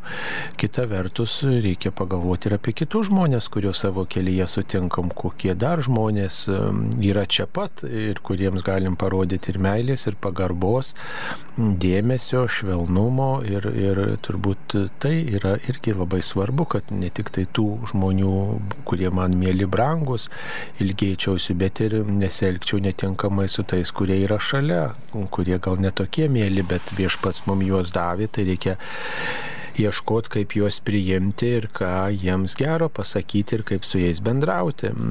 Va, kunigė, gal ką pridėsite dar? Nelabai. Taip, žiūrim, ką mums dar klausytojai atsiunti. Ar karščiai Europoje nėra paskutinių laikų ženklas? Nu, žinot, sunku interpretuoti daug tų paskutinių laikų ženklų, kad ir karas Ukrainoje, tai nėra paskutinių laikų ženklas, galimas daiktas. Tai ką, ką, ką mes tokius ženklus perskaitę, ką mes galime daryti. Nu, tai pirmiausia pasiruošti tinkamai, reiškia prieiti iš pažinties, atsiprašyti savo artimųjų, vat, na, pasiruošti paskutiniam laikam, žinot, kad mūsų sąžiniai nebūtų nuodėmės, atitaisyti skriaudas, atiduoti skolą skolas, mm, būti malonės būklėje, mm, kad e, nebūtume susisaistę su kokiu blogiu. Ne, va, tai yra svarbiausia. O ar tai paskutinių laikų ženklas, sunku pasakyti, kiek tie paskutiniai laikai truks. Gal jie truks per visą mūsų kartą arba dar ilgiau. Mm, nėra aiškių nuorodų, tik žinom tikrai švento rašto, kad žmogaus sunus ateis, kai nesitikėsite. Tai kai tikrai visi mažiausiai lauk auks, tai tada atei žmogaus sunus. Va, reikia iš tiesų visada būti pasiruošus, ne tik tai, kai karšta, ne tik tai, kai karai kyla, bet kai visi linksminasi, visi lėbo ir tada reikia būti pasiruošus. Taip mums paskambino. Taip, paskambino klausytojai ir noriu užduoti jums klausimą. Taip, prašau, jūs eteryje. Oi. Gerai, klauskite. Aš norėčiau paklausti buvau, nu, esu jau garbaus amžiaus, labai pasilikojus, bažnyčiai būnu retai ir, ir žinot, nu, buvo va, tokių trys tokie atvejai, kaip, kad aš nežinau, kaip man pasielgti. Pirmiausia, per išpažinti, pats klebonas pasakė, mažiau kalbėk. Nu tai atverkime širdis, nu tai kaip čia supras, atverkime širdis, jeigu mažiau kalbėk, liktai aš tenai nieko ir nekalbėjau, bet antra, vyrė vyras, amžinai jie matelisi, su toktinis, tai pačioj bažnyčioj mes tuokėmės, nu žinot, tai jau iš pažinties ir susikraudinau, ko bliauni kaip karvė. Nu, klausykit, norėjau pakilti nuo klausyklos ir nueiti. Psichologija gydytoja pasakė, kad pats geriausias psichologas tai kunigas. Nu, tai kunigas, aš suprantu, kad aš einu iš pažinties, tai mes esame trys. Dievas, kunigas ir aš. Nu, bet kitą kartą kažkokį tai žodį pasakai. Nu, tai kaip man elgtis, žinot, tokia širgėlė širdį. Iš tikrųjų, tai uh, kunigas irgi yra žmogus ir jis gali būti toj pačioj klausykloje ir truputėlį gal ir nenuotaikoj, ir, ir, e, ir truputėlį ir piktas, galbūt ir sergantis, taigi visus, e, visas tas tas įtampas tiesiog nuleiskit ant, ant, ant kunigo žmogiškumo, ypatingai E, prieš e, didžiasias šventes, kai, kai būna kilometrinės eilės, tai kartais, e, kartais aš ir pats jaučiu, kad, kad paimu ir nesusivaldau dėl, dėl paprasčiausio žmogiško nuovargio. Tai, tai tikrai kartais, kartais ir žmogiškumas pradeda imti viršų.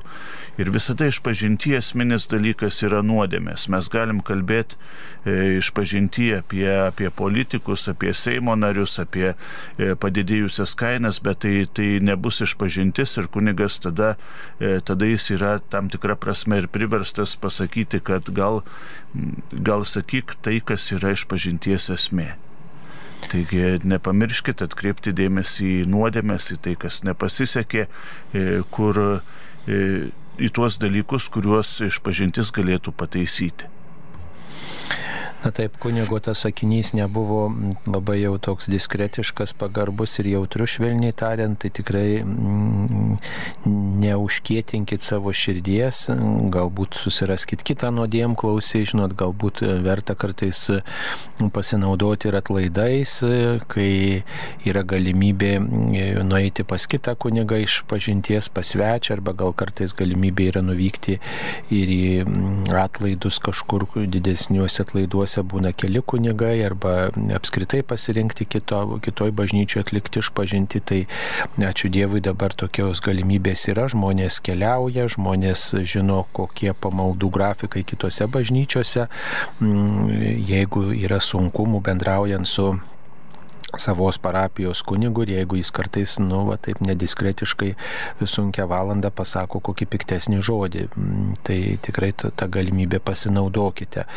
Nu, bet kita vertus, žinot, tas griežtesnis kartai žodis, nu, žmogui irgi, irgi gali kažką, nu, duoti kažko, kažkokį grūdą, kuriame, kuriame yra, yra tai, ką reikėtų irgi kažkaip ar atkreipti dėmesį, ar pasvarstyti, ar tiesiog tas toksai toksai sukrėtimas, kartais labai, labai stačiokiškas, griežtas, kartais irgi žmogui, nu, atveria kažką, žinot, žmogus supranta, kad, nu, va, tikrai gal reikia kitaip, kitaip daryti, kažką kitaip elgtis, nu, va, kartais tokia brangi kaina būna, bet teko tokių atvejų girdėti, kai, va, ir žmonės sako, aš turėjau įsižeisti, mane labai įskaudino, bet paskui pagalvojau, palauk, ar tikrai man, gal tas kunigas jau perėbė pasakė, bet kita vertus, gal tikrai man reikia paimti visiškai kitą, kitą taktą, kitą, kitą kryptį mano gyvenimo istorijoje. Ir tikrai girdėjau tokių at, liudijimų bent keletą savo kunigystėje, kai žmonės po tokių labai nu,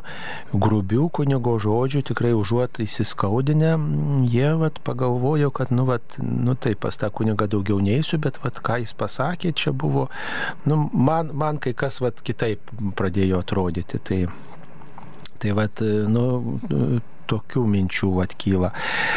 Na dabar mažiau kalbėti, tai nu, kartais mūsų kalbos tikrai yra mūsų priešas. Tikrai tai būna, kad mes per daug pasakom net ir vos keli žodžius pasakydami, arba nei temą pasakom, arba, arba kažkaip tai, vat, kad ir tas kunigo žodelis, užuot nieko nesakęs, kunigas pasakė ir vat, kitą žmogų gali ir įskaudinti. Tai mažiau kalbėti tinka mums visiems įvairiose situacijose apie tą žodžio vertę žodžio svorį verta pagalvoti. O širdies atvirumas tai ne nuo žodžių priklauso. Atverti širdį tai santyki daugiau turėti, ne santyki turėti. Kartais galima atverti širdį ypač Dievui ir žodžių nesakant, bet, bet reiškia, iš, patikint tai, kas man rūpi ir, ir patikint savo subtiliausias mintis ir jausmus ir patirtis ir troškimus Dievui be jokių žodžių. Tai, tai po kitam žmogui tas širdies atvirumas, nu, aišku, žodžiais tą lengviausia gal parodyti, bet kartais ir tas pabuvimas šalia, e, vaiko skirimas ir dėmesio skirimas patarnavimas irgi gali būti širdies atvirumo ženklas. Tai čia, žinot, tas, tas neabejingumas, turbūt dėmesys e, kitam žmogui e, reikalingas, tai pasakytume.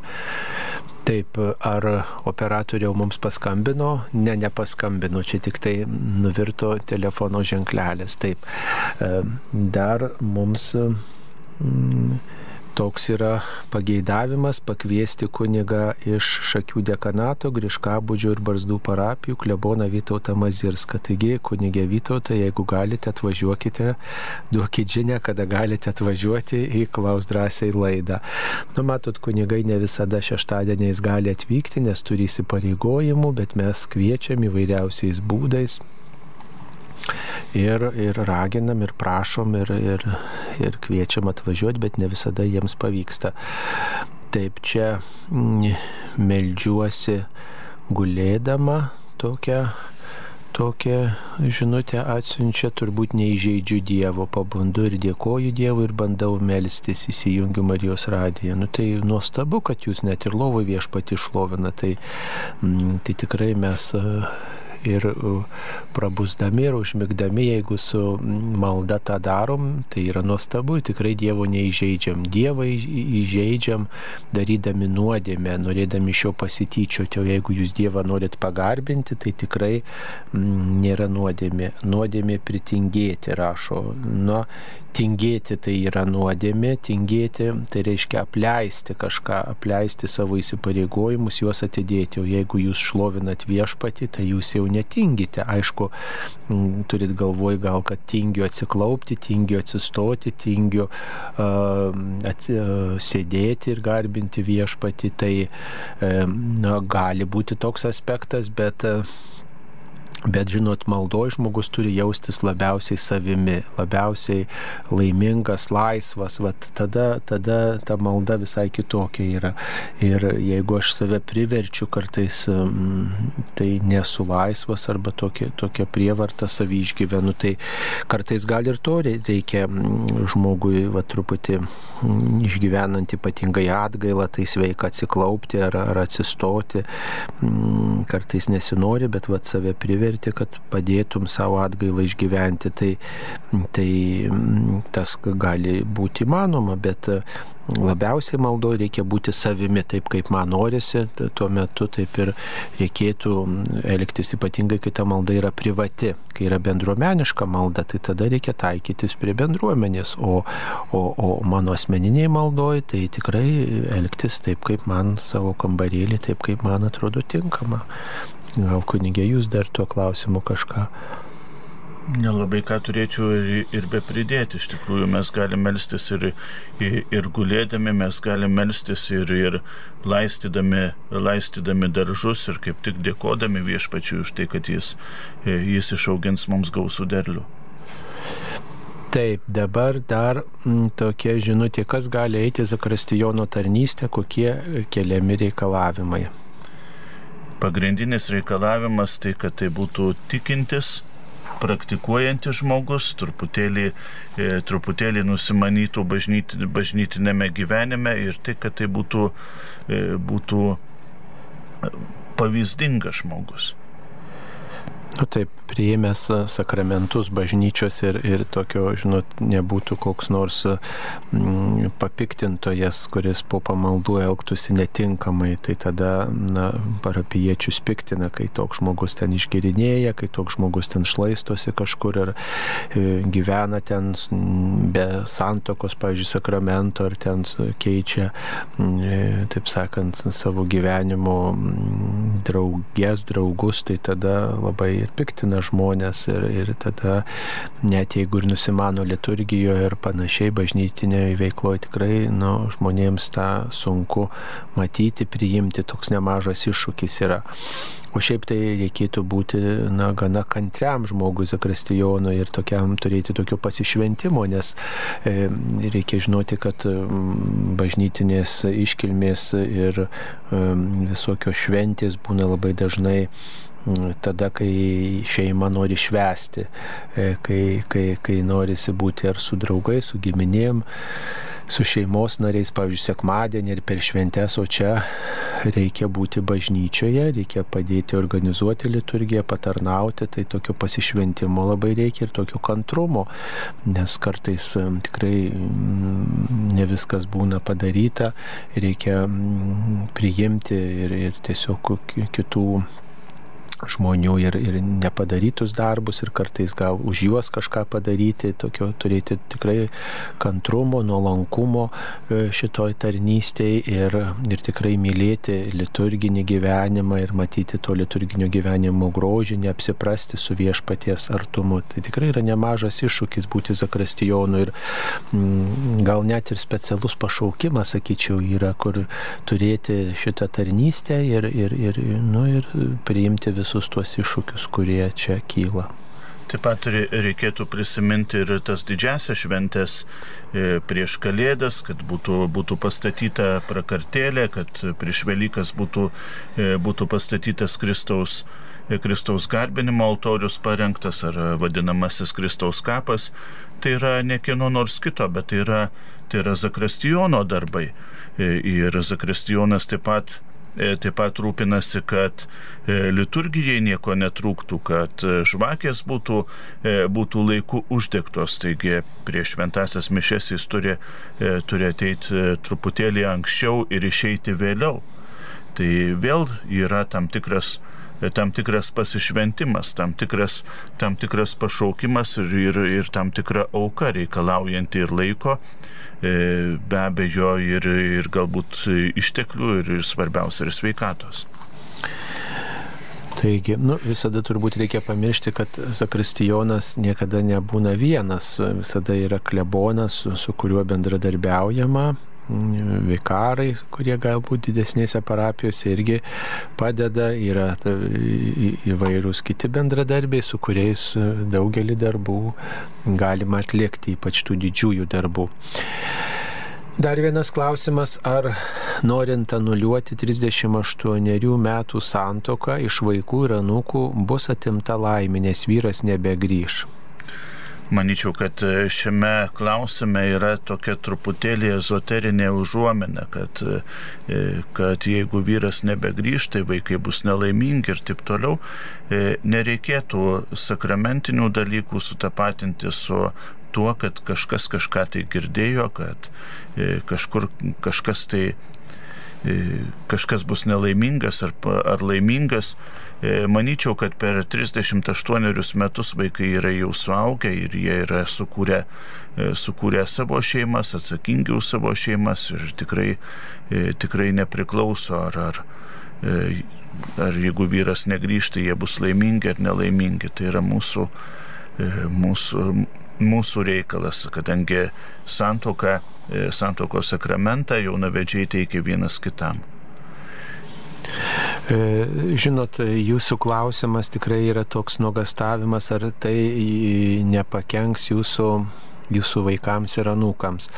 Jeigu jau vyras yra išėjęs, tai tam tikrą prasme jau pakengta e, vaikų ir anūkų santykiams, nes e, paprastai vaikai ir anūkai iš savo tėvų, senelių daug ką perima, net to ir nesvarstydami, net ir to neįsisamondinami. Paprastai tėvų ir, ir senelių elgesys kažkaip atsispindi net ir vaikų ir anūkų gyvenimo istorijos. Ir tikrai e, tai, tai yra ir įrodyta ir faktais, ir, ir, ir tyrimais įvairiausiais, kad mm, reikia labai didelio samoningumo, kad mes nekartotume savo tėvų ir savo senelių klaidų. Labai reikia įsisamoninti, apsvarstyti tai ir, ir melstį viešpaties, kad nu, padėtų išvengti tų klaidų ir, ir, ir labai sąmoningai rinktis kitaip atsakingiau.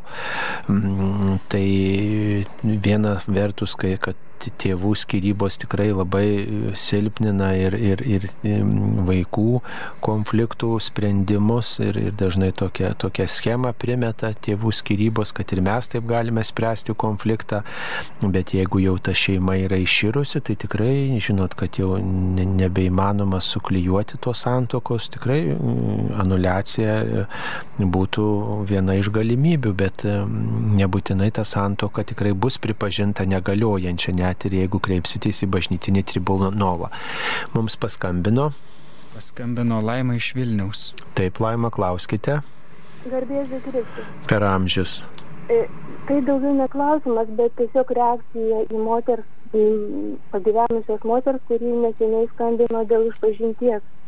Ir kažkaip pajutau tokią pareigą, kad reikia sureaguoti, kadangi išpažintis labai svarbi aš pati einu dažnai iš pažinties ir, ir daugybę metų ir turiu tą patirtį visokių, visokių išpažinčių.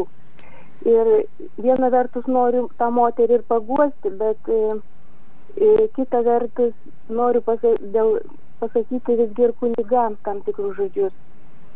Kad kadangi esu baigusi ir dvasinį palydėjimą ir turiu savo palydimųjų ir taip pat esu viena iš e, krizinio neštumo centro įkūrėjų ir ir ten dirbau, ir savanoriauju, ir, ir, ir išklausysi daugybę, daugybę skaudžių istorijų, kurios tikrai panašios į išpažintis ir su atgailos momentais ir visą kitą. Ir vieną kartą man teko su moterim kalbėti šešias valandas be sustojimo. Taip, aš norėjau atsigerti arbatos, aš, man norėjusi bent atsijungti polsio keliom sekundėm, bet aš supratau, koks tai yra svarbus momentas, kad tai netgi vaikelio ateitis nuo to priklauso, ar jis gims ar ne. Ir aš kalbėjau šešias valandas, tai yra įmanoma. Ir kokie galimi būdai tokiais atvejais, kaip pavyzdžiui, ten buvo paminėti du atvejai tos moters, kai mm, kunigas pirmiausia pasakė, kad per daug žodžių. Taip, galėjo būti per daug žodžių, buvo mažai laiko, daug žodžių, bet aš manau, kad pir, pirmojų variantų bū, būtų buvę geriau, jeigu kunigas atkentėtų jau tą išpažinti, kokia jinai yra, ir tuomet, kai duotų išrišimą, pamokytų, pasakytų, kaip galima visą tai labiau koncentruotai, labiau iškeliant kažkokius prioritetinius dalykus iš to, ką jis girdėjo. Žodžiu, kaip pamokymą, tada neįvyktų vidinis konfliktas su moteriu. Antruoju variantu, tai aš jau net nežinau, ką ir sakyti, kadangi ko bliauni kaip karvė, kai tu palaidojai vyrą, nu aš nežinau, nebent tas žmogus iš tikrųjų nelaidojo nieko brangaus, ar, ar, ar dar kažkas ten buvo, ar, ar, ar turi pats kažkokių tai psichologinių problemų ir tai buvo kaip, kaip, kaip reakcija. Bet vėlgi sprendimo variantas. Mėloji, nuai kur nors į šoną, į, į, tegul tave kas nors palydi, kur nors iš šventorio ar kažkur, tu įsiverkai tau sunku, kai tu išsiverksi, tu ateik pas mane iš pažinties ir aš tavęs išklausysiu. Bet paprasti, paprasti sprendimai. Na taip, ačiū už jūsų tokias įžvalgas, kad tikrai reikia jautrumo. Jautrumo ypatingai, kai žmogus laidoja savo artimuosius ir, ir, ir tikrai jo, jo, jo tos ašaros sunkiai gali būti valdomos, tramdomos. Tikrai niekas neturi teisės žeminti kito žmogaus, ypatingai tokią valandą. Apskritai neturi teisės niekas nieko žeminti, o ypač kai kitas žmogus yra, yra prisliktas ir, ir ypatingai pažeidžiamas. Tai tai ačiū, kad jūs patarėte ir kunigams tikrai mm, e, palaukti arba pasakyti, nusiraminkit e, visą. Mm, na, reikia, reikia tikrai tokio jautrumo, jautrumo parodyti, bet nu, ne visi, matyt, sugeba to jautrumo parodyti. Aišku, čia dar viena tokia reakcija yra tą patį žinutę, tą pačią temą, kad e, kam teisinti blogą kunigo elgesį. Niekas neteisina blogo kunigo elgesio, tikrai gingdievė, bet, žinot, reiškia, net ir tokiom sunkiom aplinkybėm vis dėlto lengviausia turbūt pasipiktinti, ne, e, pasipiktinti, bet, e, bet ar, ar, ar, ar nuo to man geriau bus ar nuo to mano meilė Dievui sustiprės, ar nuo to kas nors geriau bus, kad aš pasipiktinsiu. Tai yra natūrali žmogaus reakcija taip į, į patiriamą priešiškumą, patiriamą tokią, tokią nemailę, atmetimą, bet m, kita galimybė yra pagalvoti, o, o tai ką, ką galima kitaip padaryti, ne, ką galima kitaip padaryti toje situacijoje. Tiesiog, vat, žinot, neįsileisti to rūstumo, pykčio, negana, kad kunigas parodė rūstumą, pyktį, priešiškumą, jau jis nusidėjo, tai dabar kokia mano mano, koks mano atsakas, mano nuodėmė. Dar vieną nuodėmę darau, kad aš irgi dar kartą supykstu ant kunigo jau šitoj vietoj supykstu, tai, tai netinkamas variantas būtų, jeigu žmogus, aišku, yra pajėgus tokią valiūdėsio valandą tikrai, m, tikrai vat, svarstyti apie tą kitą variantą, bet dažnai žmogus turbūt vat, pasirenka tokį lengvą kelią, reiškia pasipiktina, nusimena, dar labiau puola į tokį m, liūdėsi. Tai, na, turbūt mūsų vis dėlto pasirinkimas yra, kaip reaguoti su, su tuo priešiškumu, su atmetimu, su kuriuo mes susidurėm net ir iš pažinti.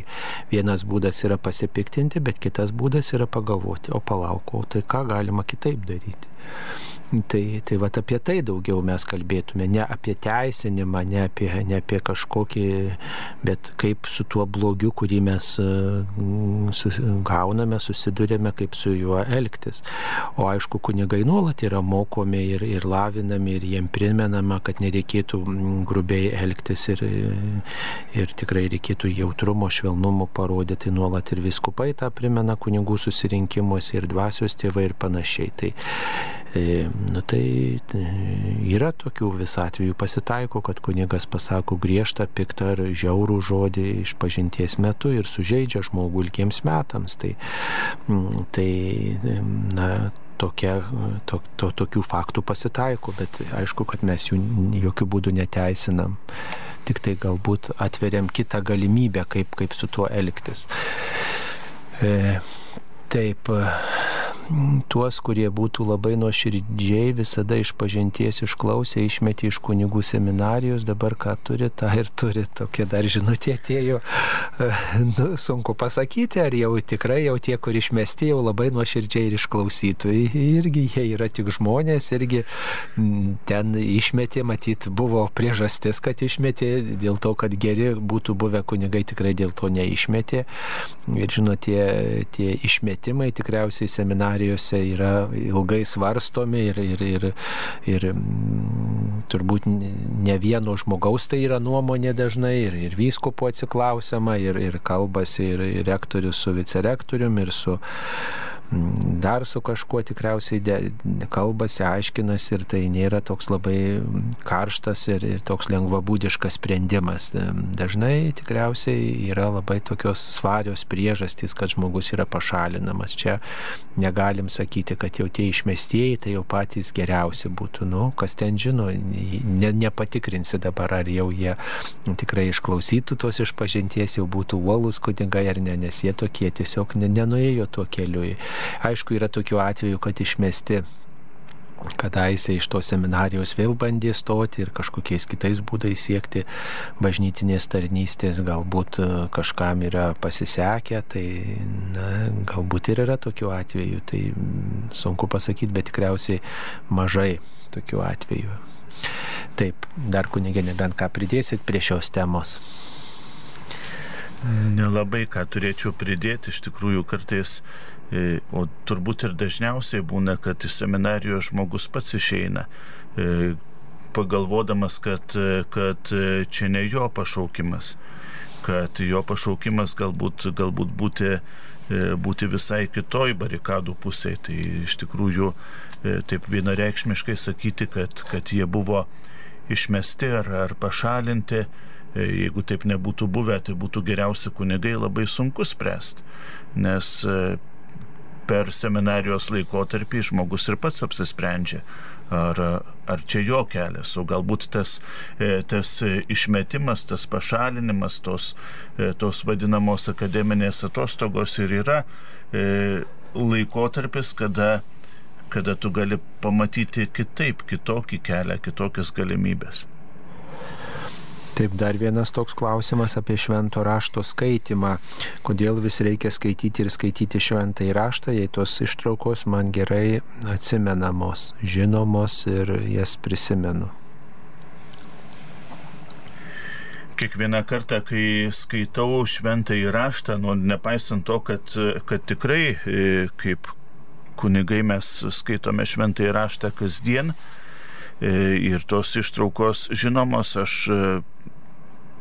būna atveju, kai pamirštu kontekstą, kai pamirštu e, kokias nors kitas eilutes, kurios seka po tų, kurias, kurias perskaičiau. Taigi e, visgi, visgi pravartu yra paskaityti ir, e, ir visą tekstą. Ir labai dažnai tiesiog atkreipiu dėmesį į save, kad kai perskaitai nors ir labai gerai žinomas e, Evangelijos ar nors, kokios nors kitos e, šventojo rašto e, ištraukos eilutės, jos suskamba truputėlį kitaip ir, ir tai yra kaip ir Dievo kalbėjimasis su manim ir Dievas, dievas nori tarsi, tarsi vėl iš naujo man kažką tai pasakyti. Taigi, kai tas besikartojančias eilutės skaitau, visada skaitau klausdamas, ką Dievas nori pasakyti šiais žodžiais dabar man.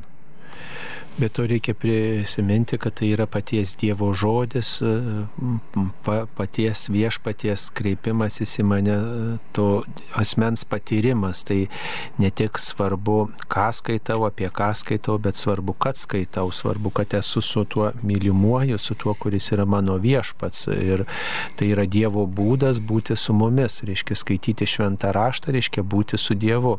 Visuotinė bažnyčia suteikia visų visuotinius atlaidus e, tam, kuris bent pusę valandos skaito šventai raštą, skaito, masto, svarsto.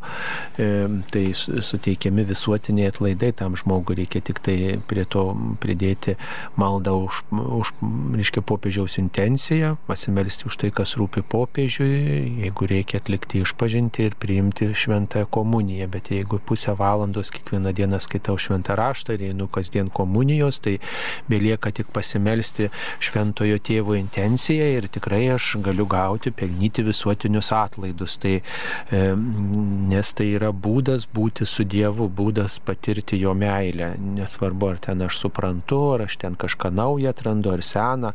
Pavyzdžiui, kunigas Česlovas Kavaliauskas, šviesos atminties kunigas, e, išvertęs e, Naująjį testamentą iš graikų kalbos į lietuvių kalbą, yra liudijęs, kad jis kiekvieną rytą skaitydavo graikiškai e, Jono Evangelijos dešimtąjį skyrių apie gerą įganytoją.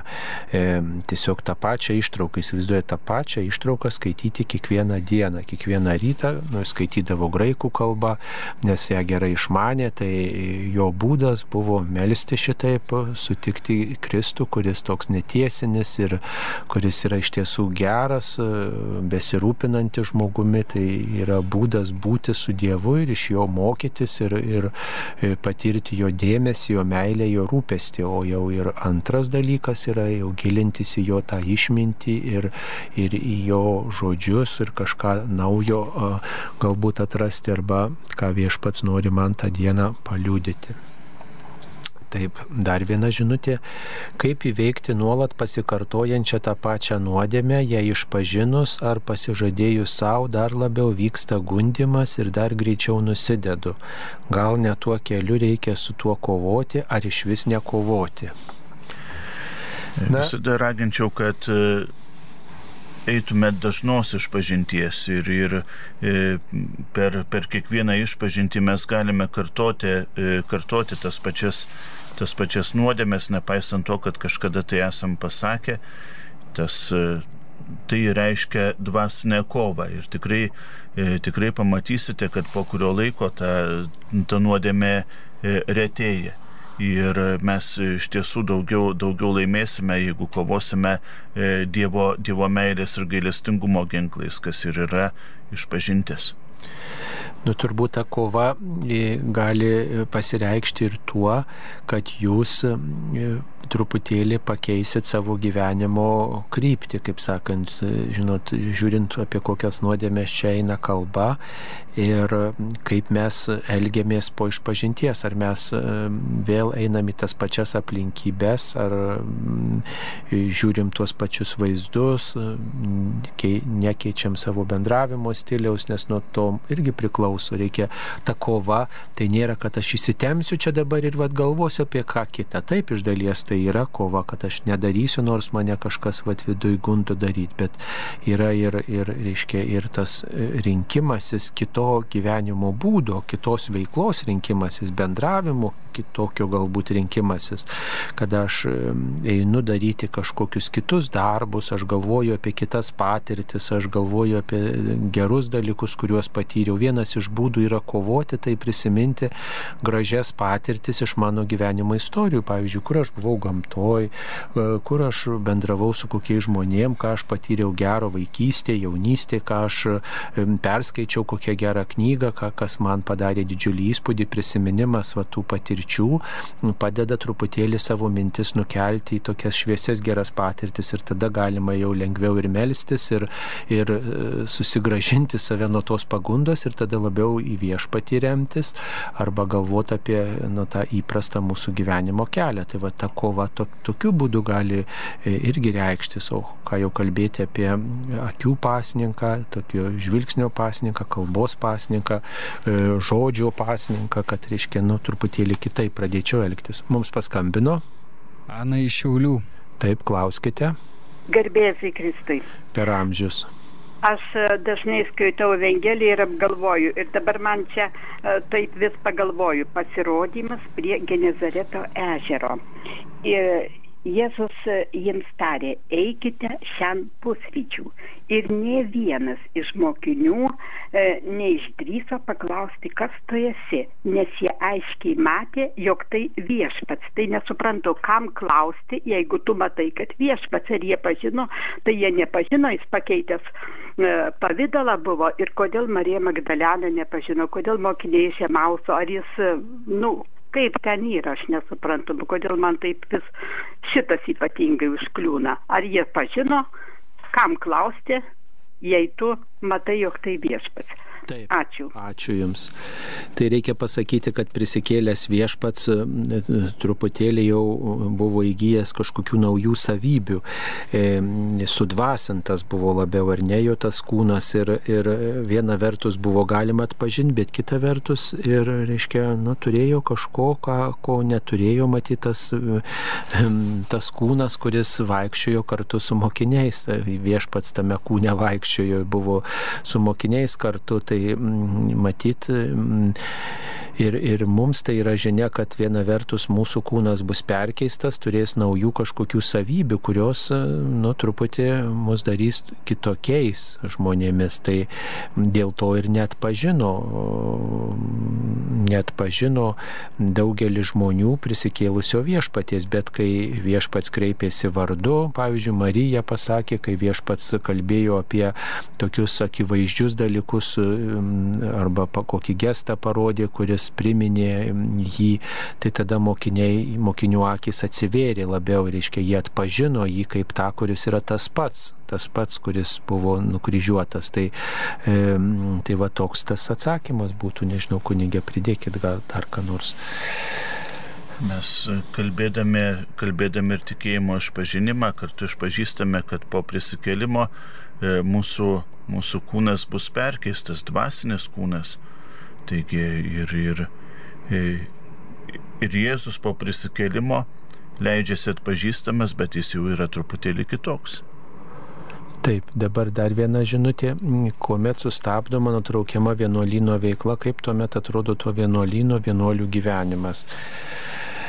E, nu kaip sustabdoma, nutraukiama vienuolė, žiūrint kokios tos priežastys yra, jeigu pavyzdžiui mm, vienuolės, vienuolės visos išmirė, liko viena vienuolė ir ten e, dviese, nu tai tiesiog tada galbūt eina į kokį kitą vienuolyną ar ten e, vyskupavėje tarpininkauja, kur ten ta vienuolyje, vienuolyje, kaip sakant, to vienuolyno seserys ar broliai praleidžia savo paskutinės dienas taip ir nutraukiama ta veikla natūraliu būdu, reiškia, o tas turtas m, tikriausiai yra parduodamas ar perleidžiamas kitai viskupijai, kitai, kitai vienuolyje arba viskupijai perleidžiamas turtas. Tai, tai taip gali būti, o gali būti nutraukiama vienuolino veikla, jeigu pavyzdžiui yra kažkokių nu, pažeidimų, gali būti nutraukiama vyskupo įsikišimo arba Vatikano atsakingų institucijų. Yra speciali kongregacija, kuri rūpinasi vienuolino reikalais, galbūt ir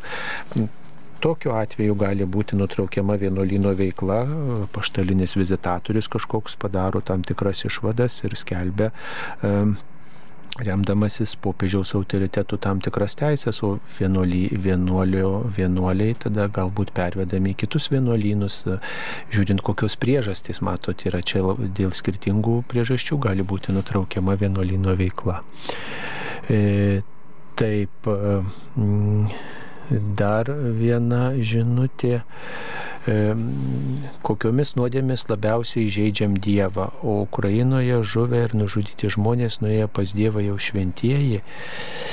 Na, turbūt priklausomai nuo to, kokie jų, kokie jų būsena buvo, kai, kai, ar jie, reiškia, buvo, nu, kaip jie taip sakant, kokia moralinė, kokia sąžinės būsena, kokia jų moralinė būklė.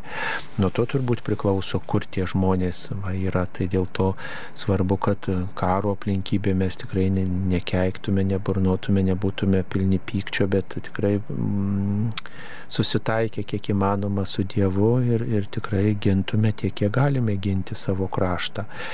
E, tai žinoma, kad čia yra labai skaudus, jautrus klausimas, bet nekaltai nužudytas žmogus, jis aišku, kad yra, gali būti kaip ir kankinys pas viešpati.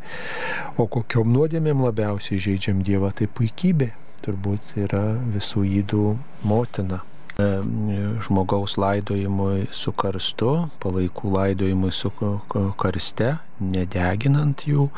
E, tai labiausiai mūsų tikėjimui primtinas būdas, tačiau jeigu dėl įvairių priežasčių kūnas kremuojamas, bet melžiamasi už tą žmogų ir e, tie kremuoti palaikai, pelenai laidojami pagarbiai, tai na, galimas toks laidojimo būdas, nors ir, kaip sakant, nelabai priimtinas iki galo mūsų krašte daugeliu žmonių, tačiau dažnai net ir laidojimo įstaigos į tą, į tokį laidojimo būdą tiesiog artimuosius kreipia bet jeigu įmanoma pasirinkti nekremavimą, tikrai tai būtų prioritetas. Ir dar paskutinis klausimas, čia jau mes apie tai atsakėm, kad Vilniaus arkikatedros centrinėme altoriuje yra Švento Stanislovo mirtis, jo nužudimas e, per šventasias mišes, nes toks yra titulas Vilniaus arkikatedros bazilikos. Tai tiek suspėjom atsakyti jūsų atsiustas žinutės. Šioje laidoje buvo mm, kunigas Nerijus Pipiras iš mūsų viešpaties Jėzaus Kristaus Kauno prisikėlimų bazilikos ir taip pat aš kunigas Saulis Bužauskas. Ačiū visiems klausiusiems, uždavusiems klausimus, ačiū Jums kunigė, būkite palaiminti, ačiū sudė. Sudė.